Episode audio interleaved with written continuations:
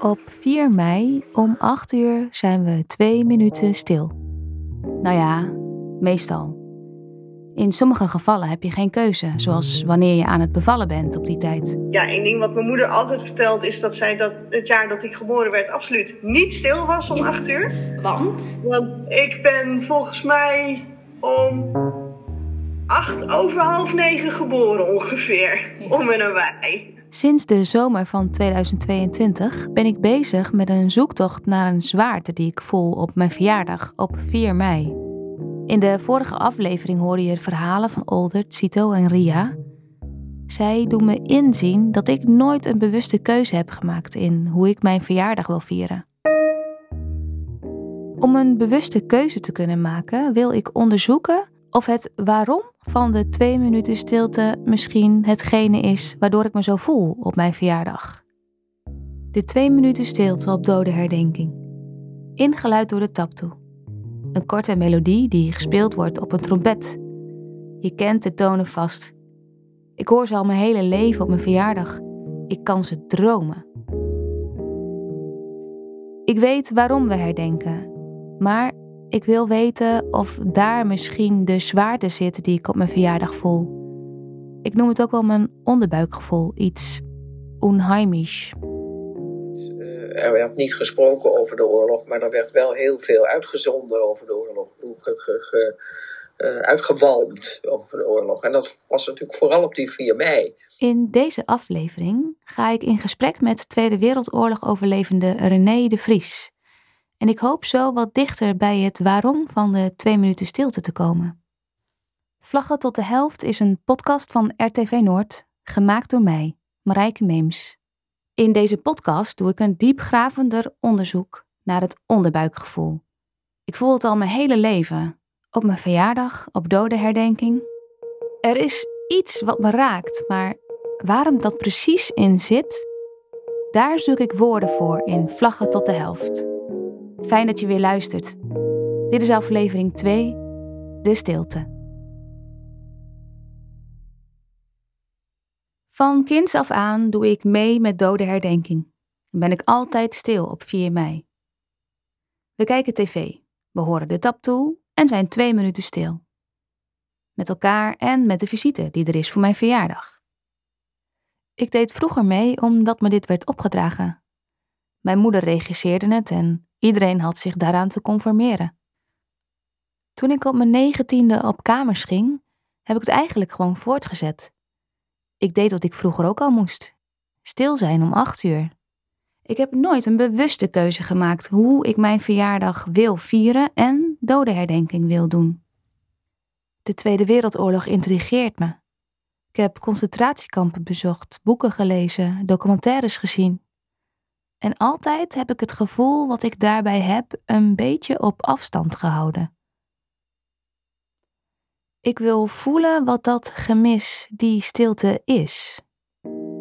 Als ik nou meer te weten kom over de oorlog, als ik meer voel wat er gebeurd is, er echt eens bij stilsta, zou ik dan bij mijn zware onderbuikgevoel kunnen komen? Als ik het verdriet voel van de oorlog, dat zo lelijk contrasteert met het vieren van mijn verjaardag, misschien valt er dan wel een zwaarte van me af. Ik ga op zoek naar een Tweede Wereldoorlog overlevende en vind René de Vries. Een Joodse man van 90 jaar. Zijn vader ging op een van de eerste transporten naar Westerbork en stierf later in Auschwitz. René dook onder, samen met zijn moeder en zijn broer, en overleefde zo de oorlog. Ik ben geïnteresseerd in hoe hij het heeft ervaren om de Tweede Wereldoorlog mee te maken.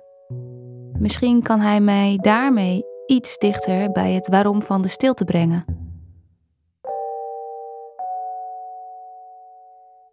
Ik vind het spannend om naar hem toe te gaan.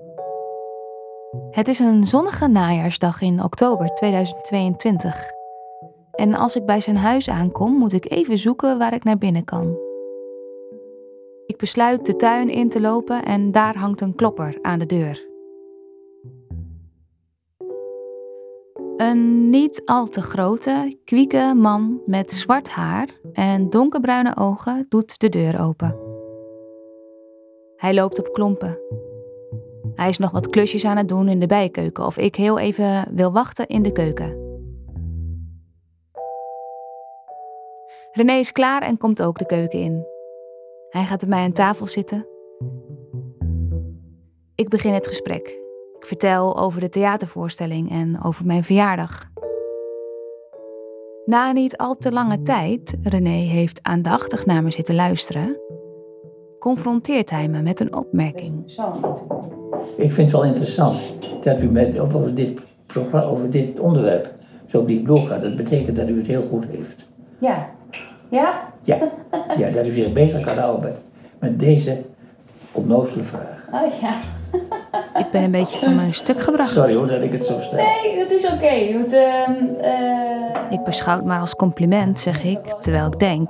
En wat bedoelt hij? Ja, is het ook. Dat ik zo diep doorga over dit onnozele onderwerp? Voor mij is het geen onnozel onderwerp. ik herpak me. Dan kunt u iets vertellen over, ja, u heeft het wel vaker gedaan natuurlijk bij, op scholen ook, over eh, hoe u de, eh, de oorlog ervoer. Hij schrijft me zijn nieuwe boek toe. Nieuw boek. Schrapselen uit een onrustig brein. Ja.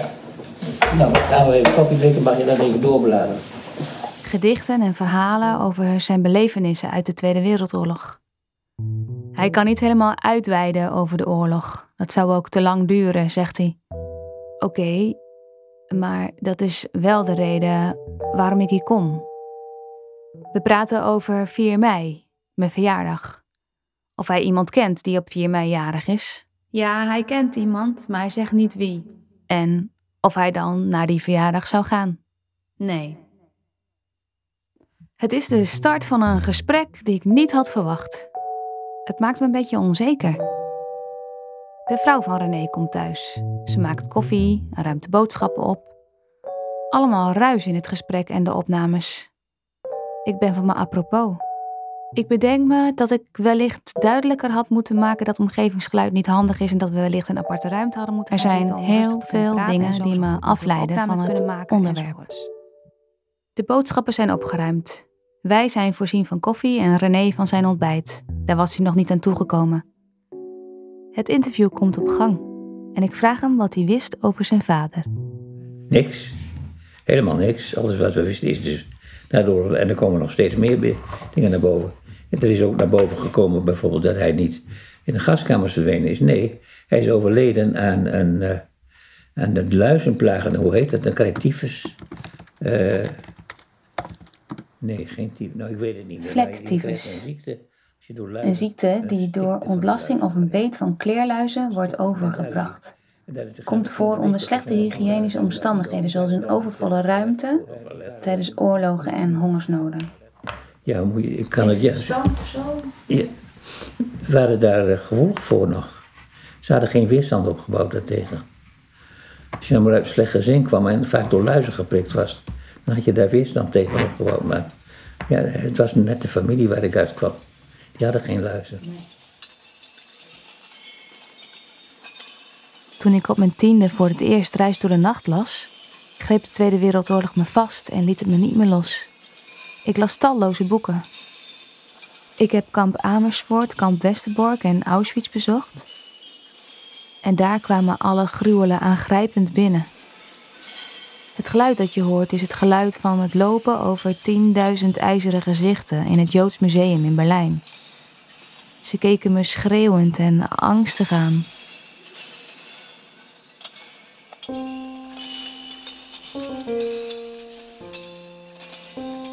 Het is oktober 2022 en ik zit voor het eerst tegenover iemand die de Tweede Wereldoorlog overleefde.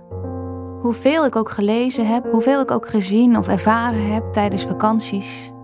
Nu zit ik tegenover René en hij vertelt me over zijn vader. Ik hoor hem vertellen dat de oorlog in hem zit en dat krijg je er niet meer uit. Zijn volk moest worden uitgeroeid. Ik heb ook een eh, foto van mijn moeder gekregen, waar haar familie op staat. Van haar grootouders. En die foto, daar staan ze nou, 20, 30 mensen staan daarop. En die foto, daar heb ik dus de, de, de mensen die weggehaald zijn, die dus de oorlog niet overleefd hebben, die heb ik weggehaald. Heb ik wit gemaakt. En uh, dat is ook een hele intrigerende foto. Wil je hem zien? René vertelt me dat het meer dan een jaar heeft geduurd voor ze wisten of er nog iemand terugkwam uit de kampen. Ik probeer me te bedenken hoe dat zou zijn. 1, 2, 3, 4, 5, Mijn familie is een vraagstuk. 1, 2, Zoals de nazi's zeiden, Entlösung der Judenfrage. 15 mensen. Ja, ja, ja. ja. en hier, dit, zijn niet meer teruggekomen vooral? Of zijn er mensen ook... Hier zijn hier mensen van die... Zij sommigen ook gezeten. Ah ja. Die is nog over. Dit was echt de jeugd die daarvoor zat. Ja. En die, ja, die zijn er allemaal aangegaan waar ik toen volwassen. Alle in Tipex uitgewiste personen op die familiefoto. Het wordt zo pijnlijk duidelijk. De mensen zijn uitgewist. Ze zijn echt uitgewist, van de kaart geveegd. Eén keer per vijf jaar is ook het namenlezen in Westerbork, dat weet u waarschijnlijk wel. Ja. Eens in de vijf jaar worden alle 102.000 namen genoemd van de mensen die uit kamp Westerbork werden weggevoerd tijdens de Tweede Wereldoorlog. Daar doe ik dan nog altijd heftig aan mee. En ik zit meestal tegen, nou, de V van de Vries, dat zit op het einde. Dus dat is meestal vijf uur of zo. Dan komt drie uur eruit. Ja, maar hoort erbij. Ja.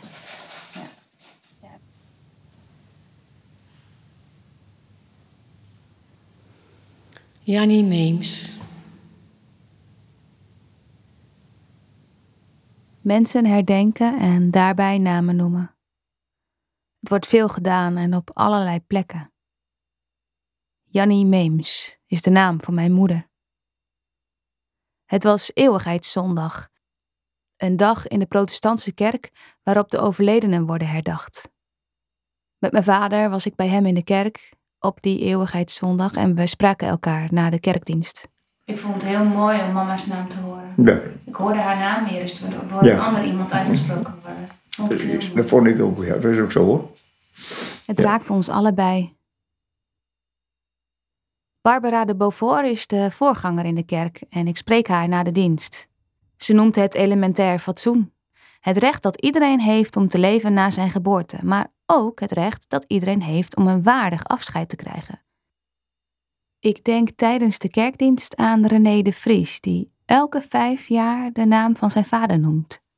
Ik denk aan alle 102.000 namen die dan genoemd worden in kamp Westerbork. Ik bedenk me dat Barbara de naam van mijn moeder uitsprak en dat me dat al zo raakte. Hoe zou het zijn als ik zelf haar naam zou hebben uitgesproken, zoals René de naam van zijn vader uitspreekt? Ik vraag aan Barbara wat voor haar de vergelijking is met zo'n eeuwigheidszondag en het namen noemen in Kamp Westerbork. Er is geprobeerd ze te ontmenselijken en met, met het noemen van die namen uh, verzet je je daartegen, vind ik. Doe je alles om, om, om ze hun waardigheid als mens weer terug te geven. Mooi gezegd. Een daad van verzet. Er is geprobeerd ze te ontmenselijken. Ze kregen een nummer op hun arm getatoeëerd. Ze waren geen mens meer. Ze moesten zich doodwerken. Gingen dood aan de tyfus of werden vermoord in gaskamers. Daarna werden ze allemaal op een grote hoop gegooid. Barbara geeft me nieuw inzicht. Ik begin het waarom van de stilte volgens mij te voelen. Dat je eerbied betuigt aan die ene unieke persoon die er nu niet meer is, dat is hetzelfde, denk ik. Ja. Maar ook het enige. Het eerbied betuigen, dat is de overeenkomst. Verder niet. Alleen maar gruweldaden en ontmenselijking. Ik zie de beelden die iedereen kent uit de concentratiekampen voor me. Magere, knokige gestalten. Mensen opeengepakt in gestreepte, gerafelde gevangeniskleding. Naakte, magere lichamen op een hoop gegooid. Johanna Grebel, 63 jaar. Louis Isaac Grebel, 61 jaar. Marcus Grebel, 53 jaar. Rosette Grebel van Kolm, 65 jaar. Om deze mensen gaat het op mijn verjaardag. Dolfine. Als ik denk aan al het voorgaande. Sony Henricus. De moedwillige uitroeiing van het Joodse volk. De gruweldaden. Als ik de beelden voor me zie, dan word ik zenuwachtig. Philip Green. 47 jaar. Salomon Green. Wat doe ik eigenlijk mijn verjaardag te vieren op deze dag? Als ik dan kijk naar hoe Olde het doet in aflevering 1. Hij voelt zich somber. Hij steekt de vlag niet in top als heel Nederland hem half stok heeft hangen. Hij viert zijn verjaardag niet. Ik had nooit verwacht dat ik dit zou denken, maar nu denk ik het wel. Is het dan niet beter om gewoon mijn verjaardag niet te vieren? Niet verzetten, niet vieren. Kan hem ook gewoon overslaan. Ik wil mijn gedachten even weer op een rijtje krijgen. Ik regel een beeldbelgesprek met psychotherapeut Eloïse van der Meulen. We hebben het over mijn verjaardag en over 4 mei. Ik vertel haar hoe strikt mijn moeder was met dodenherdenking en dat ik nooit gekozen heb hoe ik omga met het contrast op mijn verjaardag. Dat ik het altijd maar over me heen heb laten komen terwijl ik ook die zwaarte voel. Eloïse vertelt me over haar eigen 4 mei-ervaringen als voorbeeld. Ze is een naoorlogskind en voelde op 4 mei feilloos aan dat het zwaar was geweest voor haar ouders in de oorlog. Dingen dwarrelden natuurlijk op die 4 mei allemaal wel in het rond. Eh, en daar voelde je wat van als kind. En eh, ja, dus ik kan me voorstellen dat dat bij jou ook heel erg het geval is geweest. Dat je een beetje een sensitief kind voelt natuurlijk dat er dingen aan de knikker zijn. Als ik een aantal kinderen die op 4 mei jarig zijn interview, vertelt Thijs, die 12 is, dat hij een keer niet heeft meegedaan aan de stilte. Ik wou net stil zijn op mijn verjaardag. Wat heb je toen gedaan? Gewoon naar boven gaan, muziek luisteren, gewoon mijn telefoon een beetje, gewoon, ja, dat. Ja. Thijs mocht toen hij een jaar of zes was naar zijn kamer. Hij mocht even zijn eigen emoties voelen op zijn verjaardag. Hij hoefde niet mee te doen aan de stilte zoals zijn ouders het deden. Stel je voor dat ik naar mijn kamer gegaan was. Een sensitief meisje van, laten we zeggen, tien jaar. Gevoelig voor stemmingen om zich heen, gevoelig voor oneenigheid. Stel dat mijn moeder had gezegd: Is goed, lieverd, het is jouw verjaardag, ga maar rustig naar boven. Ze werd niet boos, ze gooide niet met de borden tijdens de afwas omdat ik een ander idee had dan zij. Nee, ze begreep dat op deze dag altijd om acht uur ik even niet in het middelpunt stond en dat zij altijd geëmotioneerd was en dat het heel fijn voor mij was om daar niet bij te hoeven zijn.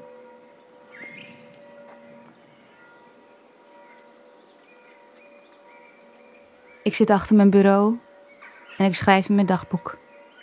Ik ben vandaag 10 jaar geworden. Ik heb een hele fijne verjaardag en ga zo mijn eentje dodenherdenking doen. Ik mag lekker op mijn kamer zijn tijdens de dodenherdenking. Dat is zo fijn. Want dan kan ik lekker mijn boek lezen of tekenen, net wat ik wil. En hoef ik niet naar de tv te kijken samen met iedereen. En dan hoef ik ook mama's huilen niet te zien. Ik ga nu stoppen, want de kerktoren slaat al een poosje. Kusjes Marijke.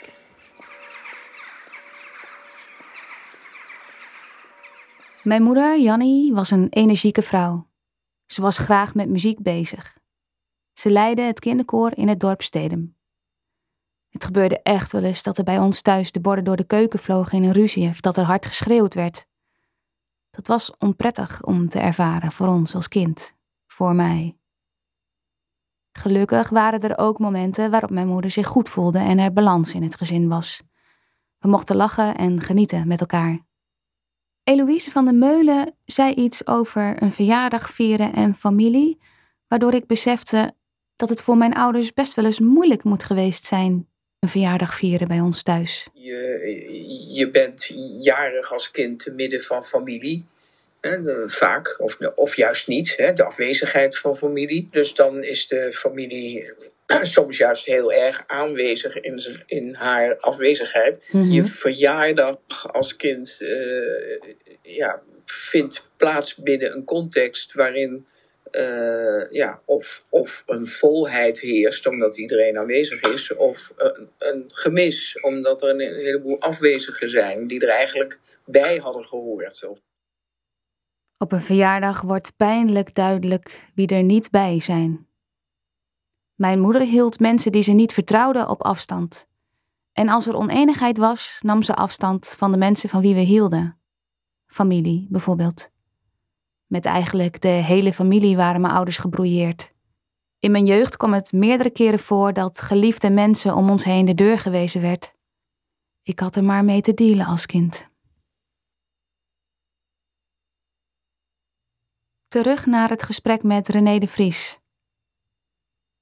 Ik zit daar met mijn blonde haar en mijn blauwe ogen tegenover een 90-jarige man met levendige, donkerbruine ogen die door me heen lijken te kijken. In de Tweede Wereldoorlog had ik me nergens zorgen over hoeven maken. In ons gesprek vertelt René delen over zijn oorlogsverleden en de tijd erna. Ik vertel hem over de theatervoorstelling die ik heb gemaakt en ik lees een tekst voor uit de voorstelling. Aan het eind van het gesprek komen we nog even terug op wat hij aan het begin zei. Ja, dat is toch wat gebeurd. Wat u deze keuze heeft erop maken. En daarom zei ik misschien ook wel zo dat het woord onnozel er tussendoor hoor. Het was niet om u te kwetsen. Nee.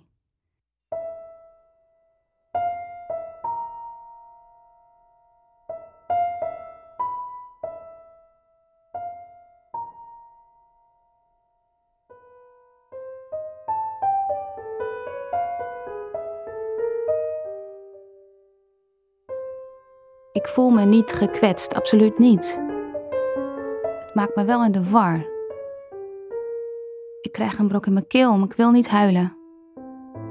Hij zegt dat er iets is gebeurd en dat ik daardoor deze keuze heb moeten maken. Deze keuze, dit onderzoek.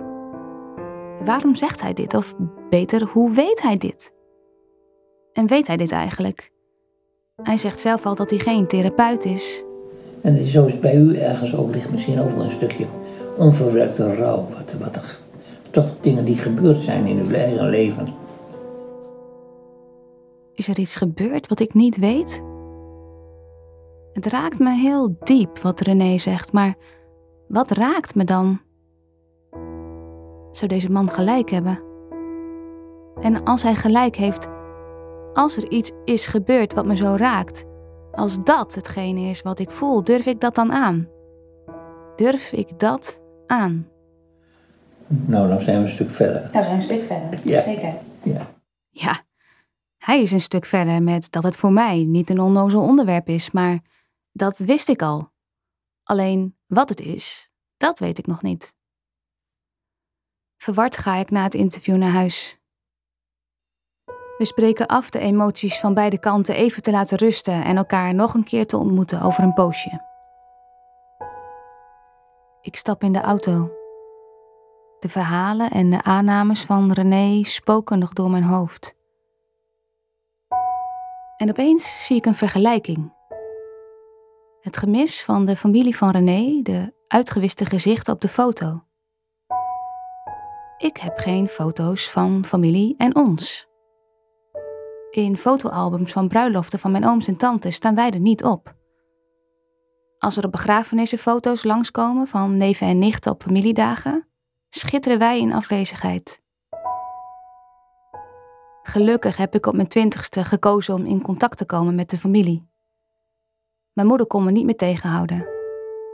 Daar heb ik wel een bewuste keuze in gemaakt en ik ben er blij mee, want het voelt alsof het nooit anders is geweest. Na het gesprek met René zit ik in de auto en ik kan mijn tranen niet bedwingen.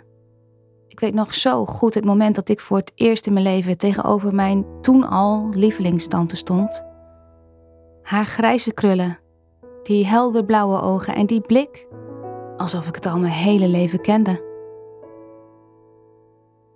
René is bijna al zijn familieleden kwijtgeraakt door de oorlog. Ik wist pas wat familie was toen ik tegenover mijn tante stond. Ik heb op mijn twintigste gevonden wat René vanaf zijn dertiende gemist moet hebben.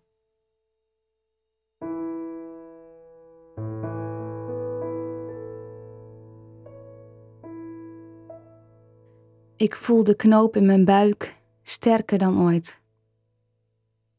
De ijzeren gezichten, de beelden van de concentratiekampen, het verhaal van René, het praten over het namen noemen met Barbara. Ik heb alles wat ik weet weer doorlopen en doorvoeld. In alle onvoorstelbaarheid op je neer te voelen. komen. Schraapselen uit een onrustig brein heet het nieuwe boek van René. En, en plan Mijn brein is ook onrustig. dat allemaal georganiseerd is in een tijd. Ik was op zoek naar het waarom van de stilte tijdens 4 mei. Ik heb het gevonden. Onvoorstelbaar. Zo kort geleden, zo dichtbij. Aanwezig. 70 jaar. Johanna Gevoeld. Greet, 63 jaar. Louis Isabel Dreven, 61 jaar. En, en plan maken. Marcus Ervaren. 53 jaar. Onvoorstelbaarheid. Rosette Dreven, 65 jaar. Bewust en, en plan maken. Onvoorstelbaarheid. Bewust en, en plan maken.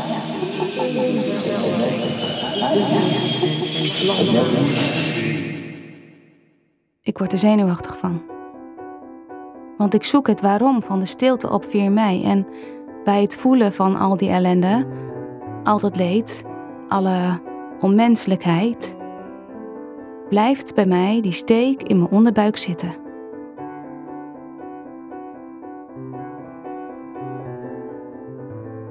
René voelt zich bedrukt op 4 mei. En dat vind ik niet gek. Hij heeft de oorlog meegemaakt. Ik niet. En toch blijft dat bedrukte gevoel zitten. Dat gevoel dat wellicht iets meer woorden krijgt dan alleen maar onderbuikgevoel. Het zijn nieuwe woorden die zich vormen in mijn hoofd, in mijn mond. Verdriet, verlies, rouw.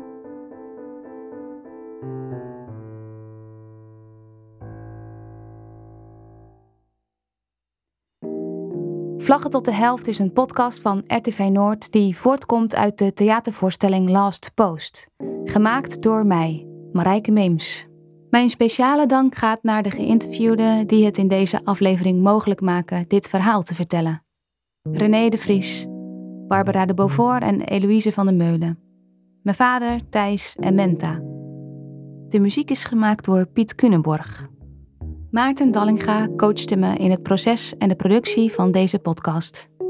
De eindmixage is van Matthijs Duringhof en het beeld is gemaakt door Menno Schreuder. Ik heb een onrustig brein. Er is toch iets gebeurd, zegt René.